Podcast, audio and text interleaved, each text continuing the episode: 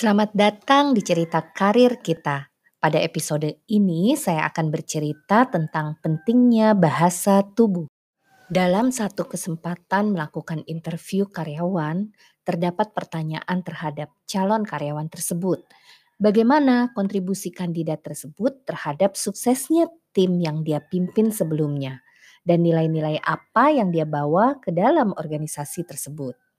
Saya mengamati ekspresi kecil yang spontan muncul di wajah dan gerakan tubuh kandidat tersebut yang langsung menunjukkan sikap defensif. Beberapa gerakan wajah dan tubuh itu adalah mengerucutkan bibir, lubang hidungnya yang langsung membesar, memandang ke langit-langit, tertawa yang dipaksakan, senyum yang terkesan palsu dan dipaksakan, bergeser tempat duduknya dengan gelisah, kaki bergoyang-goyang, menarik badan maju mundur ke kursinya sambil memiringkan kepala ke samping dan menyilangkan tangan dan kakinya. Walaupun ekspresi wajahnya cepat berubah, namun ekspresi tersebut mengatakan dengan jujur apa yang ingin disampaikan oleh bahasa tubuhnya. Secara bersamaan, bahasa tubuhnya mengirimkan pesan dengan menunjukkan perasaannya yang tertekan dan kurang senang. Dan pada akhirnya terlihat bahwa kandidat tersebut menunjukkan dia bukanlah orang yang tepat yang kita cari di dalam interview ini.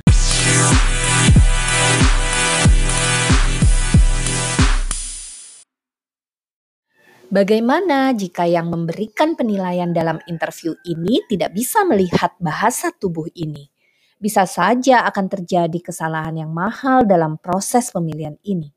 Kandidat memang menceritakan pengalaman yang sangat luar biasa, namun gerakan tubuhnya menceritakan kisah nyata yang sesungguhnya. Gerakan dan ekspresi wajah bisa menunjukkan pikiran dan juga niat yang sesungguhnya.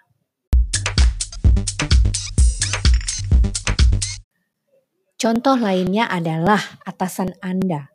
Beliau mengatakan sesuatu yang menurut Anda adalah hal terbodoh yang pernah Anda dengar. Sebelum Anda menyadarinya, mata Anda seketika berputar-putar di kepala Anda. Hal ini merupakan ekspresi wajah yang paling kasar yang bisa ditampilkan seseorang di samping tersedak. Secara tidak langsung, Anda sudah melakukan cemoohan dan penghinaan terhadap atasan Anda. Bisa saja hal tersebut diketahui oleh atasan Anda. Terlebih apabila atasan Anda bisa membaca bahasa tubuh seseorang dengan baik.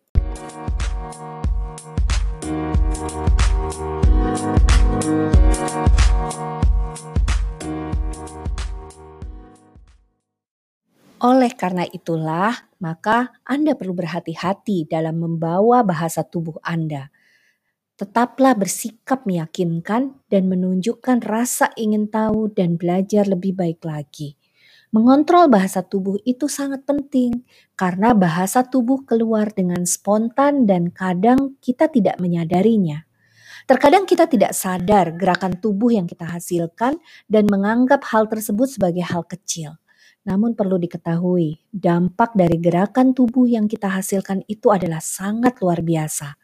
Jika Anda berada dalam tahap pengembangan karir Anda, maka Anda wajib memperhatikan bagaimana Anda bisa mengontrol bahasa tubuh Anda dengan baik.